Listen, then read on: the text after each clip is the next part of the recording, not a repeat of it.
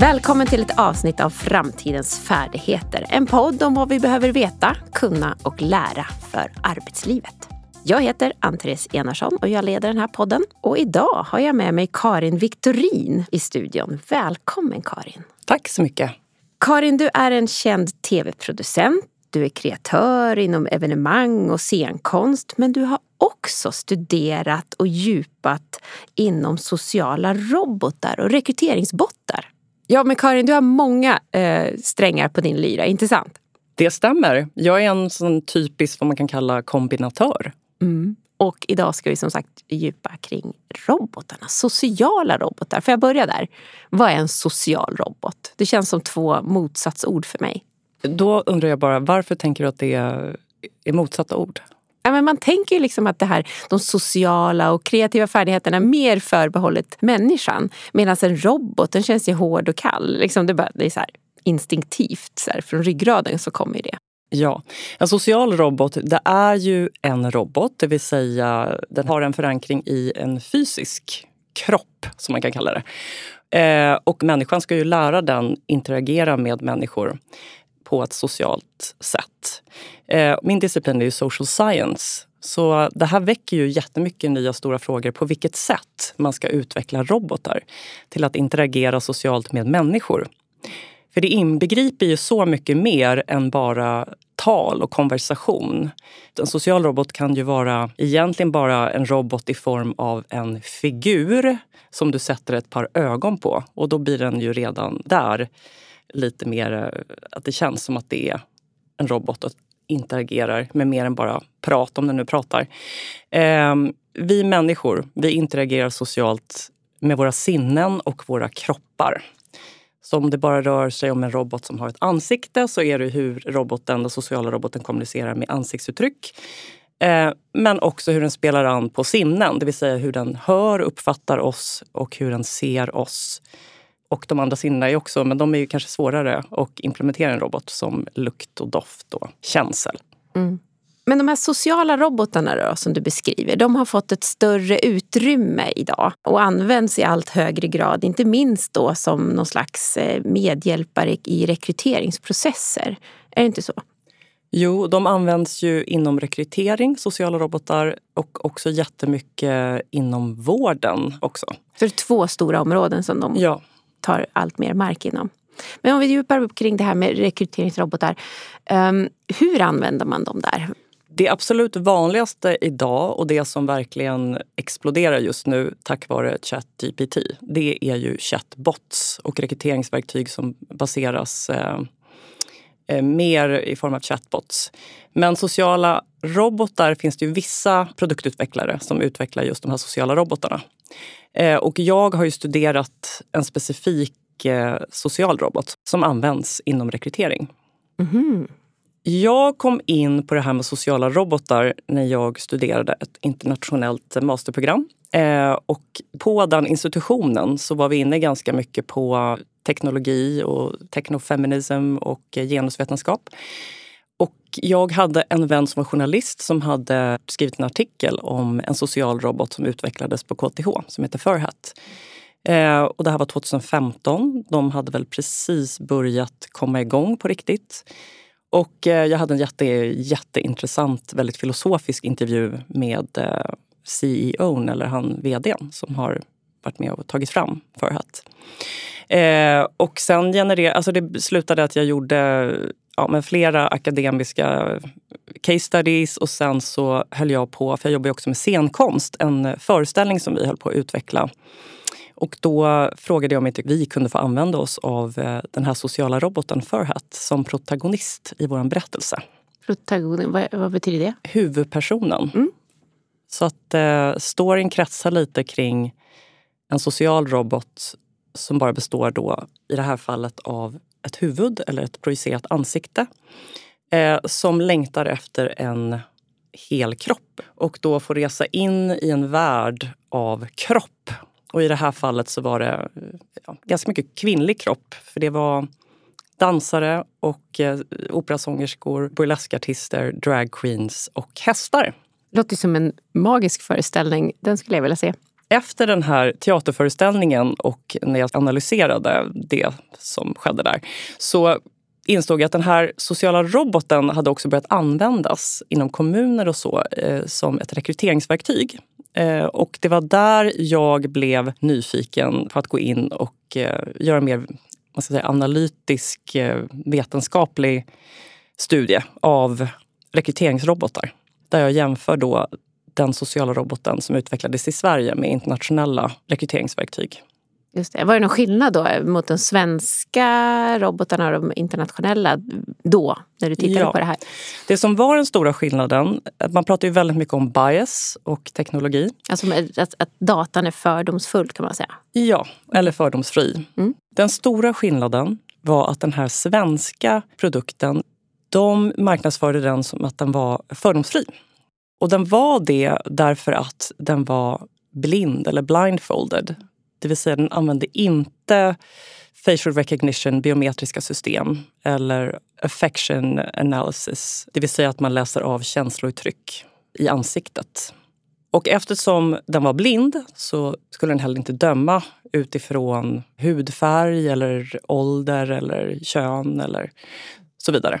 Om vi ser då hur det kan se ut i andra delar av världen så det här är ju ett par år sedan, det är 2019 2020 jag började undersöka det här. Men i Sydkorea då så hade ju toppstudenter svårt att få jobb. Och där har det då utvecklats biometriska system och rekryteringsverktyg där du måste perform, eller du måste visa väldigt mycket med ditt ansikte, ett neutralt. Du får inte visa på att du reagerar för starkt på saker och ting utan du måste då genomgå den här uh, intervjun eller interaktionen med en robot som läser av ditt ansikte hur du reagerar på vilka frågor du får? Alltså. Ja. Eh, och då såg jag det via också studera några det var nyhetsklipp eh, där det var en ung man som var toppstudent. Men han, eh, han, han kom aldrig vidare i processen? Han kom inte vidare i processen därför att han visade på lite osäkerhet i sin blick. Och det väckte jättestora frågor med mig som håller på med teater. Att vadå, ska vi lära oss vara totala pokerface? Om, om det nu ska handla om att uh, vara unbiased så, så väcker det massa frågor. Och i relation till det här så var den svenska roboten fördomsfri. Men sen behöver man ju gräva lite under ytan. För jag tror när man blir fixerad på någonting, vi människor, så glömmer man andra perspektiv och lager. Och eh, jag upptäckte att det fanns bias på andra sätt.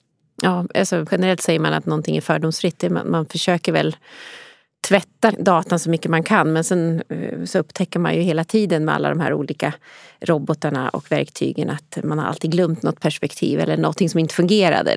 Vi har ju haft många sådana historiska, eller historiska, de är inte så många år på nacken, men exempel där, där det har varit chefsrekrytering, där man lagt in data, och tolkat att de bästa ledarna genom tiderna och då har det blivit färgat av vilka ledare som har varit historiskt och det har varit företrädesvis män och då tror ju datan att ja, men det är män som är bästa cheferna och så har man då verktygen mest rekryterat män. Så det är liksom, ja, som ja, Amazon 2018. Ja, precis. Det var mm. bland annat den jag hade i åtanke. Så att, ja, man ser det hela tiden och det är bra att vi försöker skapa fördomsfria verktyg men det är svårt.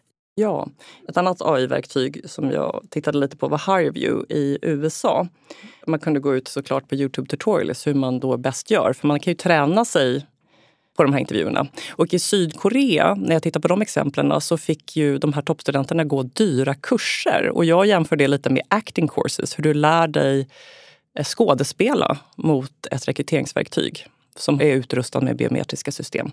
Och här är också det amerikanska exemplet med Hireview. Det som är viktigt som han lägger upp på en lista här. Det är eye contact, enthusiasm, smile, speech and expressions. För den läser också av hela tiden, dina ansiktsuttryck. Så vi blir ju, redan med sociala medier har vi blivit väldigt medvetna om våra selfie-face och så vidare. Och nu kanske det når en helt ny nivå. Att utgå från den här neutrala masken, för den verkar ju uppenbarligen ganska betydelsefull om man tittar på Sydkorea, att kunna hålla ett neutralt ansikte. Ja. Men när man pratar även då med teaterstudenter och så, så är vi, vad är ett neutralt, ja. vår neutrala mask? Och som vi sen ska utgå ifrån när vi jobbar med social interaktion med varandra. Eh, därför att det är ju väldigt mycket så social kommunikation sker. Vi är däggdjur så därför har vi ju med oss mycket av hur vi använder ansiktsmuskulaturen i ansiktet och, och sen så finns det ett kulturella lager på det av vår mask som vi bär. och som vi kan medvetet och omedvetet spela på.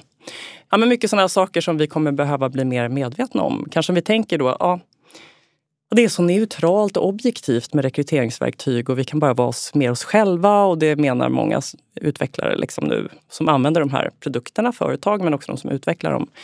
Eh, ja men det här, du, nu blir du inte dömd för hur du ser ut och hur du beter dig. Eh, ja, kanske i en robot som är blindfolded eller har mm.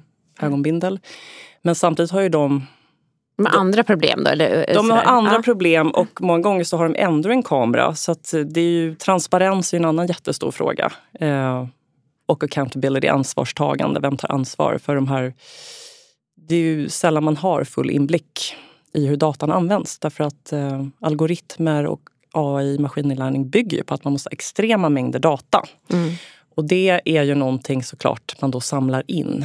Eh, så då kommer hela frågan om integritet och så, GDPR in och så. Som ett brev på posten. Mm. När du berättar om de här, dels en blindfolded rekryteringsrobot, är ju en sak som har sina brister någonstans. Men också så har du de här stora AI-rekryteringsverktygen internationellt sett som också kommer komma eller redan finns liksom i Sverige när man kräver då totalt kontroll över sitt, sina känslor och ansiktsuttryck. Det får ju en att fundera en hel del och framförallt så tänker jag väl på um, vilka som diskrimineras ja. i väldigt hög grad av sådana rekryteringsprocesser. Ja, därför även då man använder sig av eh, sociala robotar som är blindfolded så är det ju hela den här aspekten av att de baseras ju oftast på, ja, det är en första sortering där man oftast får göra ett personlighetstest eh, eller ett lämplighetstest. Och det här är ju ett test som såklart är någonting som du kan lära dig bli bättre på. Så du kan öva och träna på det här. Eh, och det gör ju att vissa personer som har gjort det, de har ju en fördel gentemot andra. Och där kan det också verkligen bero på, ja, men om du nyligen har kommit till Sverige från en helt annan del av världen så kan ju det vara en nackdel och då kommer ju bias in ändå. Just det. Och tittar man då på de här sociala robotarna som då tittar på känslouttryck då, och förmågan att kontrollera ansiktet, vilka diskrimineras kan man säga då i, i, en, i en första sortering? Som ett exempel så kan man ta forskaren Joy Bulamwini jag tror jag uttalar hennes efternamn rätt. Hon upptäckte ju att eh, sådana här biometriska system inte ens läste av hennes ansikte för att hon är mörkhyad. Jaha. Och det blev en jättegrej. Eh, hon har ju startat Algorithm eh, Justice League i USA. Så det finns ju såna här aktivister och eh, forskare som, som drar igång de här frågorna. Det finns också The AI Now Institute med Kate Crawford i New York som väcker såna frågor. Så det är väl hela tiden nya såna områden och issues som kommer liksom upp. Så att under tiden vi utvecklar AI och biometriska system så kommer det upp hela tiden. Det är därför viktigt att bjuda in, att det blir ett större samtal kring de här frågorna. Mm. För att det är de olika perspektiven som behövs. Jo, och sen, förutom hudfärg så har vi flera diskrimineringsgrunder. Inte minst ålderismen har ju också varit ett eller är ju ett jättestort problem. Jag tror att det var någon undersökning som jag nyligen tog del av som visar att 9 av 10 över 55 överhuvudtaget väljs bort till exempel. Ja, um, och jag uppmärksammade att diskriminering beroende av ålder fanns inte med i den här valideringsstudien som jag undersökte. Ja, den är förbisedd och jag tror att eh, det kan ju vara så att om man inte har vuxit upp med att från ålder och skolsystemet så att hela tiden vara ute digitalt och göra såna här personlighetstest så kanske det är att man drar sig lite mer för att göra det. Till exempel då en äldre generation. Absolut. Och sen tänker jag, ehm, um, utöver, det finns, vi kan ju gå igenom alla diskrimineringsgrunder men det som slog mig var ju också när du pratade om det här med, med ansiktsavläsning och så, hur, hur vi visar känslor och så. Människor som då lever med olika spektra helt enkelt. Hur man riskerar också att diskrimineras på, ja. med såna här verktyg. Olika metoder, det kan bero på vilken metod det rör sig om. Men vissa metoder kanske gynnar vissa mm. Eh, och andra inte. Så det kan verkligen se annorlunda ut. Eh, men jag kan ju dra ett annat exempel där när man mm. jobbar med personlighetstest som jag tittar lite mer på. Eh, I det här fallet så var det femfaktormodellen som användes i personlighetstestet i psykometri är ju väldigt stort nu. Att man tittar och utvärderar såna här personlighetstest och så. Mm. Men där är ju också när jag skulle göra de här testen själv så är det ju att det är den här skalan. Så att komplexiteten som oftast råder jättemycket i hur vi är när det gäller känslor, när det gäller socialt samspel. I de här testen så ska du svara antingen eller. Så en av de här äh, femfaktormodellen så är det ju, du ska själv svara på, är jag en intro, Skatta sig själv. Skatta liksom. sig själv. Och, Och, vi introvert, extrovert, där kan det ju också vara väldigt... Det beror på. Det beror på. Oh. Och man kanske också anpassar sig till det jobb man söker och vet, Mm. tänker lite vad de är ute efter. Men i mitt eget fall så tänkte jag att jag eh, jobbar ibland på scen och då är jag extremt extrovert. Eh, och ibland sitter jag och skriver då. Till exempel när man undersöker någonting, skriver ett manus eller vetenskaplig uppsats. Då vill jag helst sitta helt ensam i ett väldigt tyst rum och jobba själv. Och då skulle man kanske klassas som introvert. Men det är svårt att få vara både och eller vara fler saker samtidigt. Men varför använder man överhuvudtaget liksom, AI inom rekrytering skulle du säga? Varför Eh, är det så blir det så populärt? Jag tror att det har blivit populärt inom HR och rekrytering därför att det är väldigt kostnadseffektivt och att delvis så kan det innebära lite mer, ja, men mindre fördomar i första ursållningen. Så man bara skjuter fördomarna och diskrimineringsgrunderna framför sig lite grann. Lite längre fram Ja. i processen kanske. Det där var ju taskigt sagt kanske, men, men det är svårt. Ja. Jag ska ha respekt för att det är ett svårt jobb. Ja, man kan diskutera då om det är fördoms... För helt fördomsfritt är ju ingen metod än så länge. Eh, Men det är ju mycket i människa till människa när man intervjuar och så som såklart också är orättvist och så. Om man nu skulle kalla AI och personlighetstest och så orättvist. Du säger att det är kostnadseffektivt, det går snabbare och det är ju bra. Men hur kommer det påverka mig som söker jobb mer? Liksom? Förutom att jag uppenbarligen då ska lära mig att behärska mina ansiktsuttryck. På vilka fler sätt kan det komma påverka mig då? Som jobbsökande så innebär inte det här riktigt att det tar mindre tid, det tror inte jag. Utan det är ju hela tiden att det verkar råda en trend med tester av alla olika slag. Det är IQ-tester, det är personlighetstester. Och sen ska du oftast kanske högre tjänster, men då, eller mellanchefstjänster, då ska du in på intervju ett par gånger och så. Även när du söker en PhD så är det en lång process. Och då går du och väntar och väntar. Men, så det tar ju extremt mycket tid fortfarande. Så på det sättet är det ju för eh, den jobbsökanden så så kan det till och med innebära mer jobb än tidigare, kanske. Framförallt om du ska gå in och i början när det här nu är nya system, lära dig hur man ska svara. Och det där kommer hela tiden förändras och då, då tar ju det lite tid också. Jag har fått det berättat för mig att flera personer blivit uppringda av såna här rekryteringsrobotar. Och de presenterar sig och sen ställer de frågor och sen så är man lite nervös och spänd och, liksom sådär, och så sätter man igång och svarar. Och sen faktiskt ganska långt in i samtalet så förstår man att det är ingen människa på andra sidan utan man pratar med någon liksom rekryterings-Siri. Liksom. När jag skrev om rekryteringsrobotar för två år sedan så var det ju just eh, säsong tre av eh, Westworld. Och jag utgår lite från det exemplet, för där är Caleb som är en av protagonisterna eller huvudpersonerna. Han ska ju då söka jobb och han är just i telefonsamtal med det som han förstår efter ett tag. Okej, är det här en människa?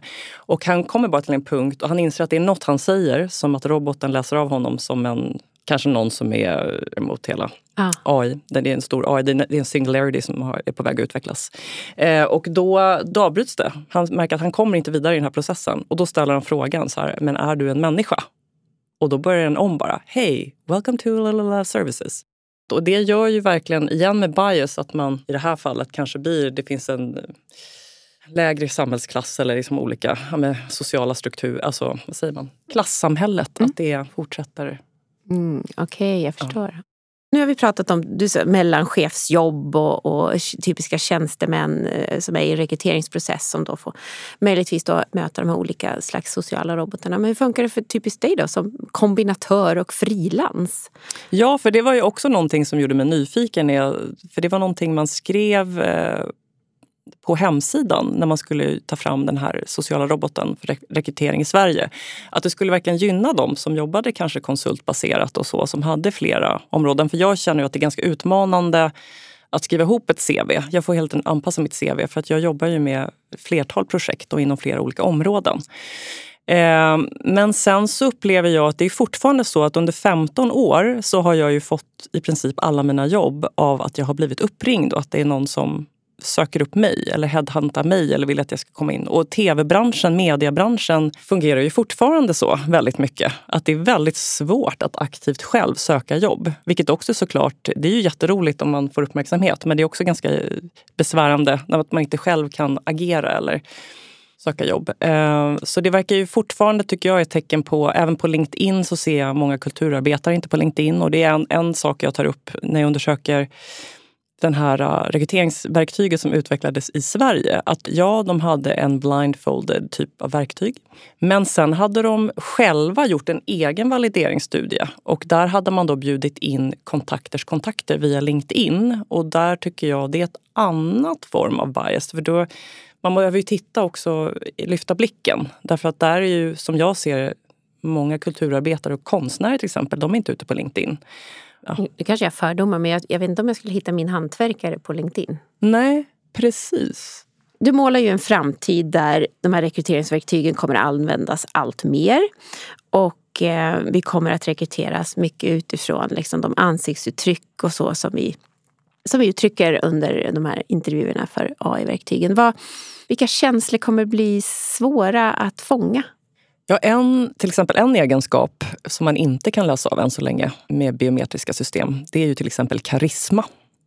Eh, man kan inte heller läsa av svår prestationsångest eller att man tycker synd om sig själv, till exempel self-pity. Det är några exempel. Alla komplexa känslouttryck och man kan kalla det personlighetsdrag är ju fortfarande väldigt svårt. Utan det blir väldigt uppdelat fortfarande kategoriseringar. Sen kommer ju säkert systemen utvecklas väldigt fort. Mm. Det kan ju komma då en tid där AI-metoderna eller algoritmerna utvecklar en form av blackbox. Och då den mänskliga insynen den är blockerad. Man ser inte riktigt vad algoritmerna baseras på längre med maskininlärningen.